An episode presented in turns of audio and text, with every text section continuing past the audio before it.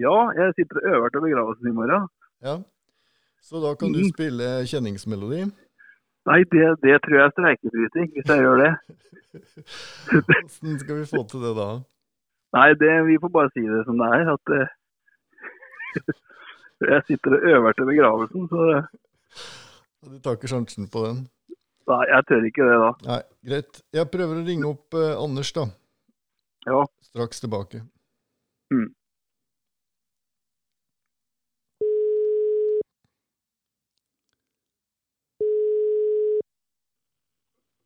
Hallo. Hallo, Anders. Er du Hei, klar, du. Er du klar for litt Jeg er klar. Jeg, Vi har en kjenningsmelodi, eh, Anders, men vi tar ikke sjansen på spillen, for vi lurer på om det er streikebryteri. er det den der er pam, pam, pam, nei, den er Ok, nettopp. I den gata. Det er, eh, hva, hva er, hvilken kantate er det igjen? Jeg husker ikke. Jeg har vært så le... Eh, Vi, vi Duncan-dyr, tror jeg. Ja, det er det. Wir danken dir godt. Nettopp. Ja, og så er det jo også fra fiolinpartita nummer tre. Nettopp. Eh, du, Anders Håvin, da er du dagens gjest på Domkirkepodkast med Dan og Tor Erik. Ja. Prosjektet vårt det er at vi prater om eh, hva skal vi si da, hverdagen til en organist, eller en domorganist. Ja. Og målgruppa vår er jo primært de som, eh, de som vanker litt i Fredrikstad domkirke. Men det er en del Mhm. andre som hører på. Men, og nå er altså situasjonen at uh, du og jeg og noen til er tatt ut i streik. Så da har vi passa på å invitere Anders Hovin som gjest. Det er mange gode grunner til det, men, men eh, eh, hvis, du, hvis du bare starter, Anders, med at du forteller hva er, hva er ditt daglige virke nå? Hvordan ser hverdagene dine ut for tiden? Mitt daglige virke er eh, å være nettleder i Norges eh, største organisasjon for eh, kunstnere og kulturarbeidere, som heter Creo. Uh, og denne historien til Creo den går eh, et stykke tilbake i tid. Eh, da var det nemlig tre ulike forbund som fusjo- fusjonerte. Det var vel da i 2001, tror jeg. Eh, Det var Musikkpedagogene, og så var det Musikerforbundet, og så var det Norsk kantor- og organistforbund. Og det var jo derfra jeg kom. Så jeg, jeg sitter da som nestleder og passer på dere, da, som er organister og eh, kantorer, kirkemusikere. Men jeg gjør jo mye annet eh, rart også i den jobben. Men akkurat nå så er det jo streiken som eh, er det viktigste for meg. Ja. Og eh, hvis, hvis jeg skulle prøve å forklare den ganske kortfattet, hvis det er mulig, da, den situasjonen som vi er i akkurat nå, hva er det som er grunnen til at eh, Dan og jeg og noen til eh, er tatt ut i streik? Ja, Det er jo fordi at vi ikke eh, kom til enighet eh, hos eh, Riksmekleren. Eh, det var nå så at, eh, at kirkeoppgjøret, som vi pleier å kalle det, altså hovedtariffoppgjøret som pleier å finne sted på våren, det ble flytta til høsten pga. korona. Og så hadde vi eh, som eh, er kirkemusikere, da hadde et veldig viktig krav som handlet om opprettelse av en ny lønnsgruppe for de kirkemusikerne som har en fireårig eh, grunnutdanning i kirkemusikk pluss et ettårig utdanning. Og Det ene året den, det har de aldri fått uttelling for. Så Jeg husker veldig godt da jeg ble valgt til nestleder i, i eh, Creo for ti år siden, så ringte et av medlemmene til meg og sa sånn Anders, dette her må du fikse for oss. Og ting tar tid når man skal jobbe med tariff. eh, og vi, fikk, eh, vi kom et stykke på vei for to år siden i hovedtariffoppgjøret da. Og nå var det jo store forventninger til at vi skulle kunne klare å begynne å fylle på litt penger da, til denne gruppa. Og det var det av ulike årsaker ikke så veldig mye vilje til. Så vi eh, brøt forhandlingene sammen med eh, Unio-forbundet og LO for øvrig. Eh, Men vi brøt jo da hovedsakelig på dette kravet som handler om at de som har fire pluss ett år skal få betalt for det ene året sitt. Det mener vi er et viktig prinsipp i norsk arbeidsliv, at man skal få betalt i henhold til utdanning.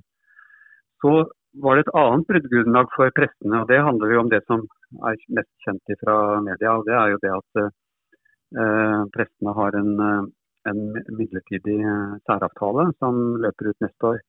Som sikrer eh, prestene kompensasjon for eh, det at de ikke lenger har tjenestebolig. Og Det som er viktig for prestene nå, da, det er å opprettholde lønnsnivået. Så Det var deres krav. og Det handler veldig mye om rekruttering da, for, for, prestene.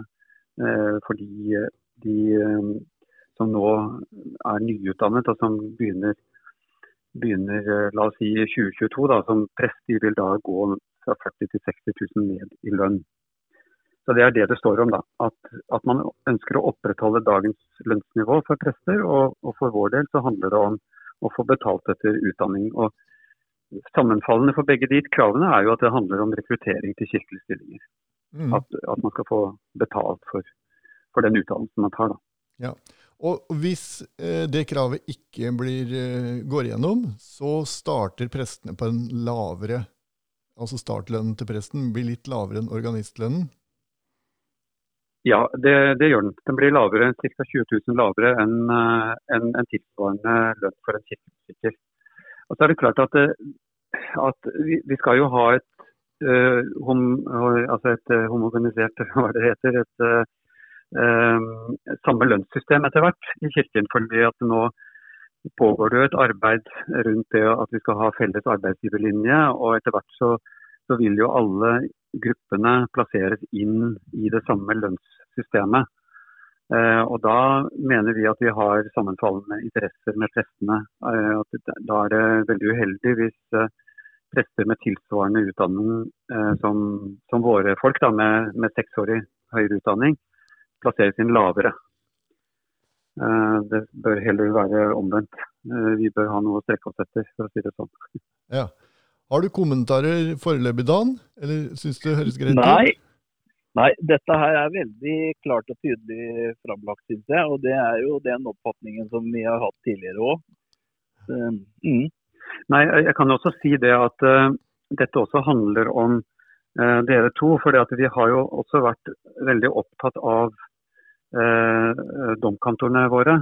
at de skal være fyrtårn uh, i, det kirkemusikalske livet i, Norge. Og at det er naturlig at domkantorene også har en noe høyere lønn enn en de som sitter med tilsvarende utdanning i mer vanlige stillinger. Uh, og Det er jo også en del av bildet. og jeg tenker at Forhåpentligvis da, så kan mye løse seg når vi får dette felles lønnssystemet. for da vil det være litt mer differensiert i toppen, sånn at det blir kanskje lettere å plassere inn domkantorene der de hører hjemme. De har jo nå et sånt eh, et tillegg da, som er en merknad i, i lønnssystemet vårt. Mm. Jeg tenkte vi kunne bare ta en sånn kjapp prat om utdanning. Altså Presteutdanning kan jeg ikke så mye om. Jeg trodde det var sju år, men så ser jeg nå står det seks år noen steder. Er det noen av dere som vet? Ja, jeg kan, ikke, eh, jeg kan, heller ikke si at Jeg har også stussa litt på det. For det, eh, der har det åpenbart skjedd et eller annet. Men, eh, men, det er jo åpenbart at det er mulig å ta en presteutdanning på, på seks år nå. Det var jo sju år tidligere. Ja. Så, men dette kan nok Presteforeningen svare bedre på enn meg. Mm. Men kantor- eller kirkemusikerutdanning, da, den er jo fire år. En sånn bachelor. For de som er inni det, så er jo bachelor nå blitt treårig, men eh, vi har fått unntak på Musikkhøgskolen f.eks. til å, å, holde altså musikkbachelor på fire år. Så det er den vanlige. Og så er det det som uh, Anders gikk gjennom nå, at man kan ta ett år ekstra, f.eks. Eh, PED. Eller hvis man har en annen bachelor, så kan man ta ett år kirkemusikkfag. Uh, så man da har fire pluss ett år. Uh, også, men Det som kanskje er mer vanlig enn det, er at man har et eh, hovedfag i tillegg. Uh, også på to år, så da har man altså seksårig utdanning. da. Det er jo også ganske vanlig f.eks. ved domorganist, domkantorutlysninger at man stiller krav om, om masternivå. Du, har, du har hovedfag eller master, Dan? Ja, jeg har seksårig utdannelse. Og da jeg søkte stillingen her i Domkirken, så var det et minstekrav for å søke stillingen.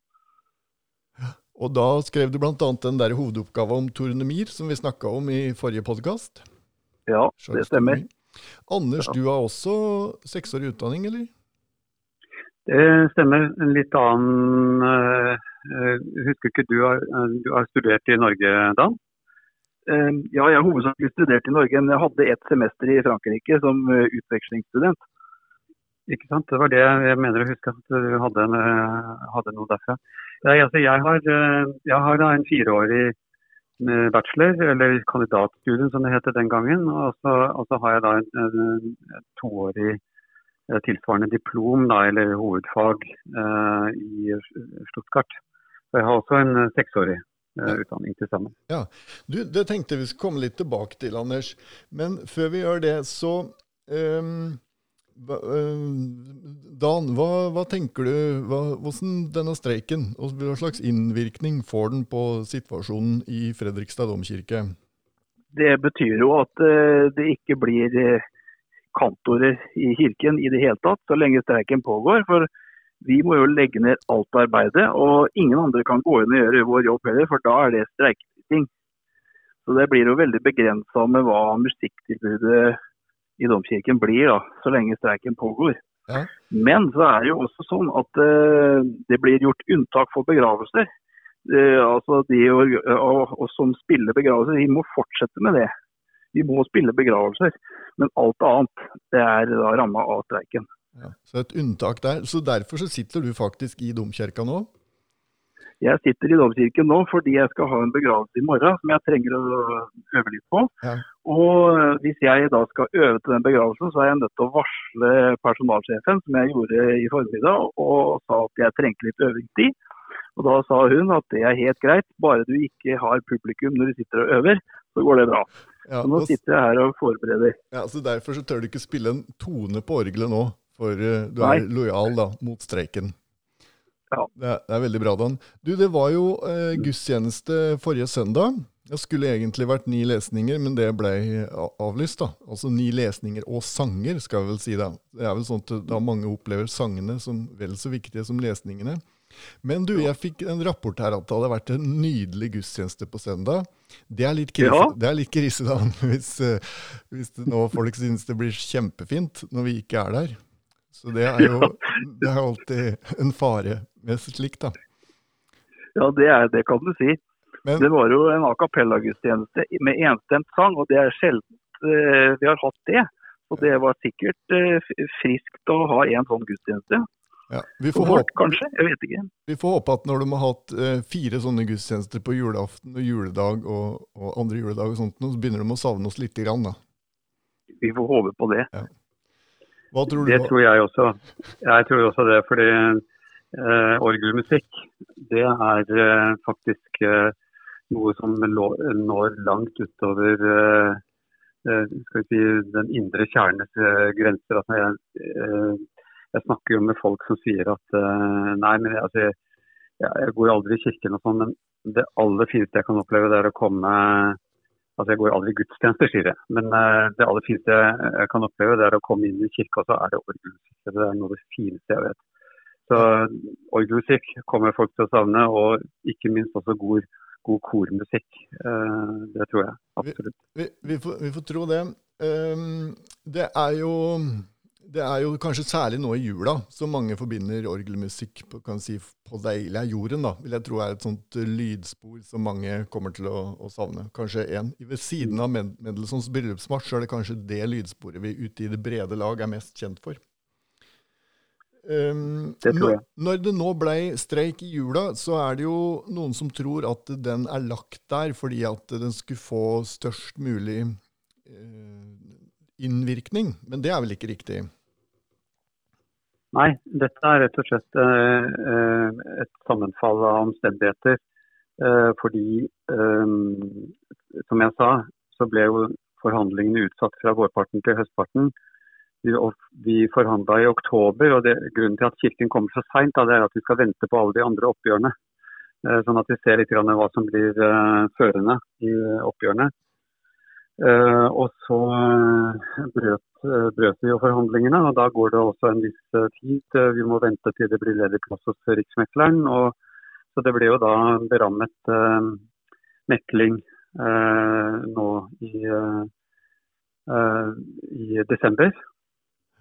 og dermed så falt jo streiken kan du si, både ubeleilig og beleilig en av kirkens høytider.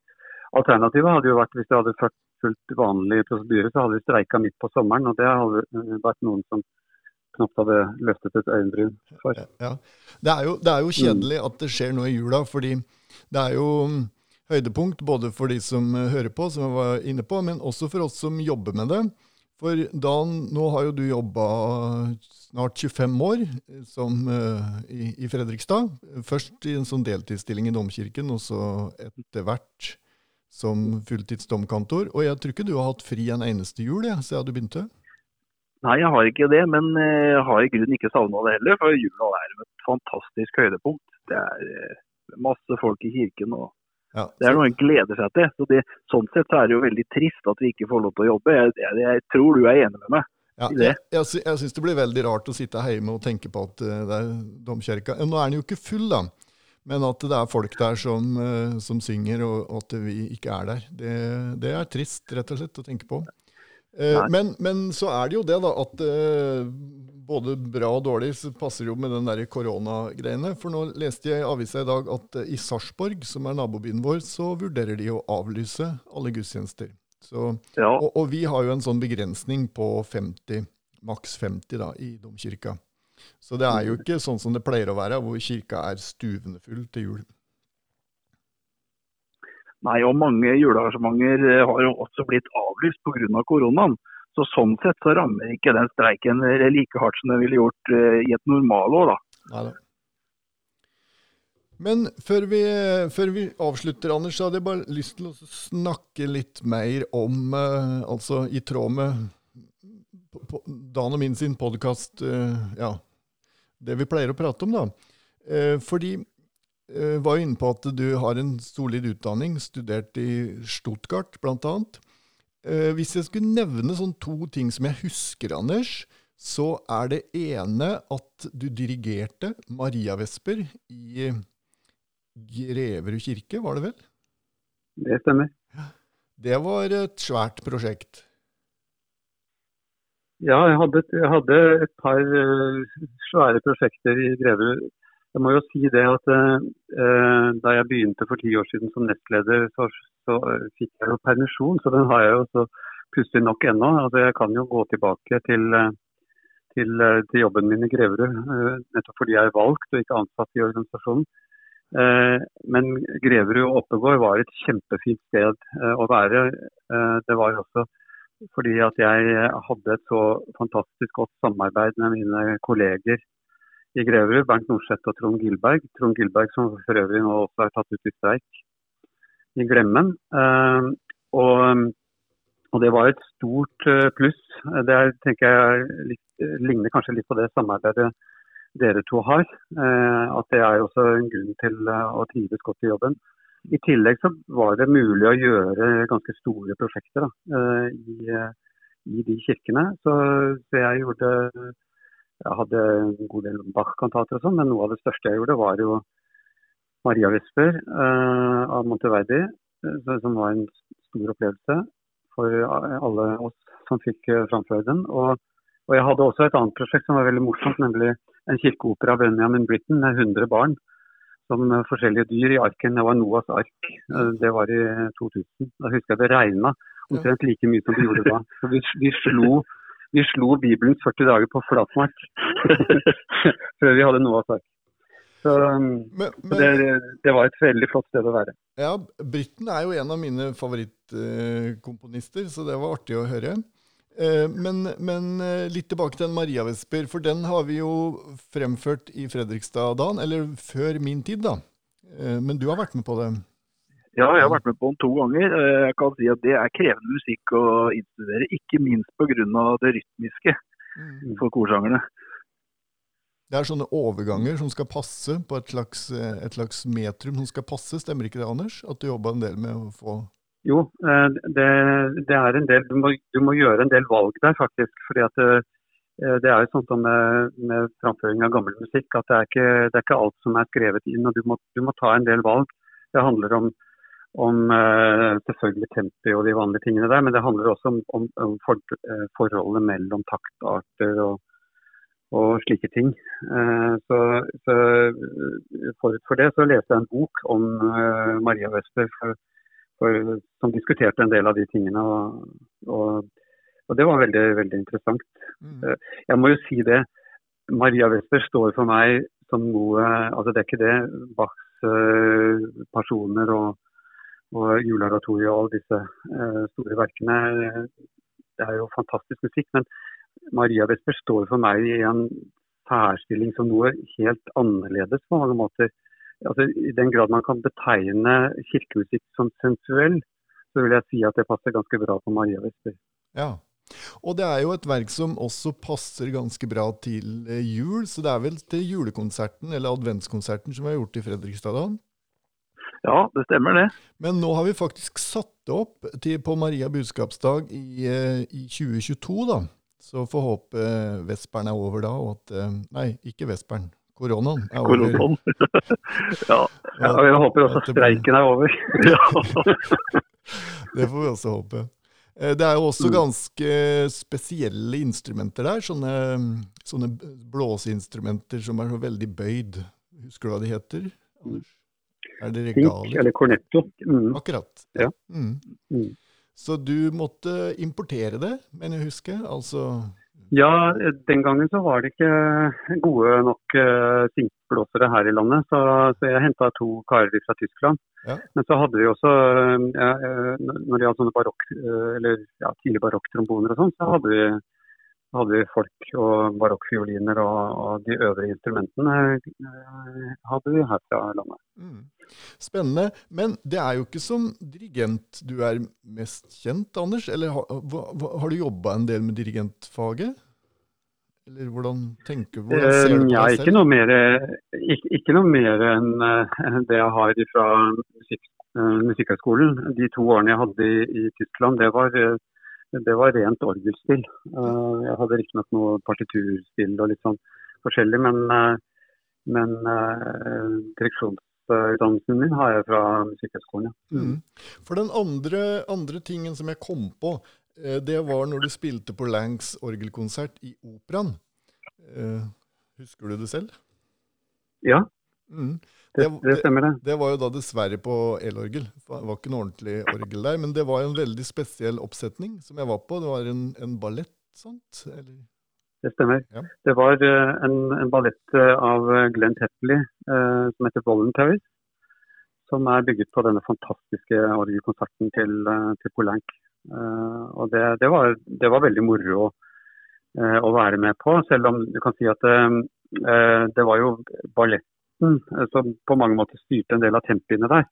Sånn som fra et musikalsk synspunkt så, så, var det nok en del tempi jeg ville hatt annerledes. men men uh, du verden, det var, eh, det var, en stor opplevelse. og Det ble jo en del forestillinger av det også. og Det morsomme er jo det at uh, min gode kollega, nestlederkollega på, uh, i Crevo nå, hun er tidligere solist fra Nasjonalballetten. Og vi hadde faktisk en, en date som en del av min bursdagspresang fra henne til meg, nemlig at vi skulle gå og se 'Voluntaries' på operaen nå Eh, I mars var det. Eh, da var det jo koronaen som satte en stopper for det. Så, så, for jeg har aldri sett den balletten på scenen. Jeg bare hørte det dumpa og humpa oppe på scenen. Ja, ja. Men du var på scenen til slutt, husker jeg, og tok imot applaus? Ja ja, det fikk jeg lov til. Så, så, sammen med hele ballettensemblet. Så da, ja, da så det ut som du hygga deg. Det var veldig fint. Det, altså, det, er veldig rart det, det er sånn som vi, vi kirkemusikere aldri opplever. Å stå på en, en sånn scene og, og, høre det bruset fra salen. Ja, du ser jo ikke noen ting, for du får jo så mye lys i øya. ikke sant? Ja. Så det er bare et stort mørke der ute. Ja. Uh, det, det, det, var, det, husker jeg ennå ganske godt.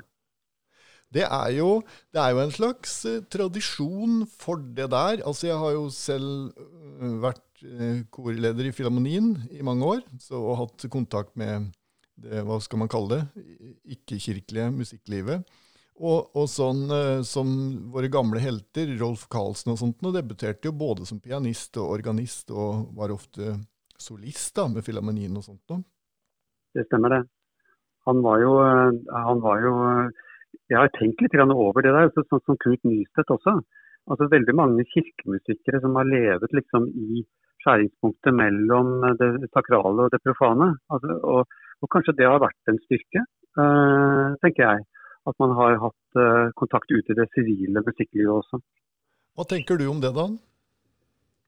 Nei, jeg tenker at Det er veldig viktig at man ikke bare murer seg inne i kirken med det man driver med, men også har um, jobber ute blant folk. Så jeg, jeg prøver å si ja til mest mulig jeg blir spurt om utenfor kirken òg.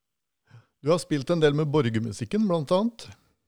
Ja da, og, og storband og mm. diverse mm. andre ensembler. da. Og begge Men jeg merker jo det at mm? Ja, vær så god. Ja, jeg merker jo det at uh, Når tida går her i domkirken, så blir det jo egentlig bare mer og mer å gjøre på oss òg. Så vi blir, vi blir liksom mer og mer bundet opp av stillingen. Men det er viktig å ikke miste kontakten med samfunnet rundt seg. Det er jo helt klart. Ja, For f.eks. Eh, begge de du sa der, da, Borgermusikken og Fredriks og Storband, har vi jo samarbeida mye med i kjerka òg. Så det er jo ja. en viktig måte å knytte kontakten mellom Det er en klok mann som har sagt noe om kirkens porøse vegger, er det ikke det? Er det Erik Hillestad, tro? At det liksom det skal, musikken skal ferdes både inn og ut av kirken, at det ikke blir sånn eh, getto inne i kirken. Ja, ja. Men ellers så har jo du jobba både i Filharmonien og Operaen, du da? Ja jeg, har, eh, ja, jeg har det. Da jeg var student, så hadde jeg litt sånn jobber både i Filharmonien og i Operaen. Og det er jo fantastiske opplevelser. Altså, en skjønner ikke hvor, eh, hvor, flott det er å jobbe der før en ikke gjør det lenger. Så Det savner jeg virkelig. Ja, ja da. Men som, som, Anders var inne på, så, så har vi det flott nå. Det er, ja, ja, ja. Eh, jeg kan savne ting fra tidligere liv, men du verden for en flott jobb vi har, og flott rom vi er i. Flotte kollegaer. Så det var uh, dagens uh, obligatoriske oppsnakking. Vi holder på med det, hvis dere, Anders. Vi snakker hverandre opp hele tiden. Det, det, er, sånn, det er, det er, superviktig. Det, er sånn- absolutt. Sånn, det er sånn prekær mangel på kritisk journalistikk i denne, i denne podkasten. men, men det får andre ta seg av, da. Tusen takk for at du ville være gjest hos oss, eh, Anders. Det var bare hyggelig. Så får vi håpe både at streiken eh, ikke blir for langvarig, og at eh, de kravene blir innfridd. Det håper jeg òg. Og så treffes vi både her og der. Det gjør vi. Gled, gledelig jul til dere begge to. Ja, i like måte. Takk i like måte. Takk for i dag.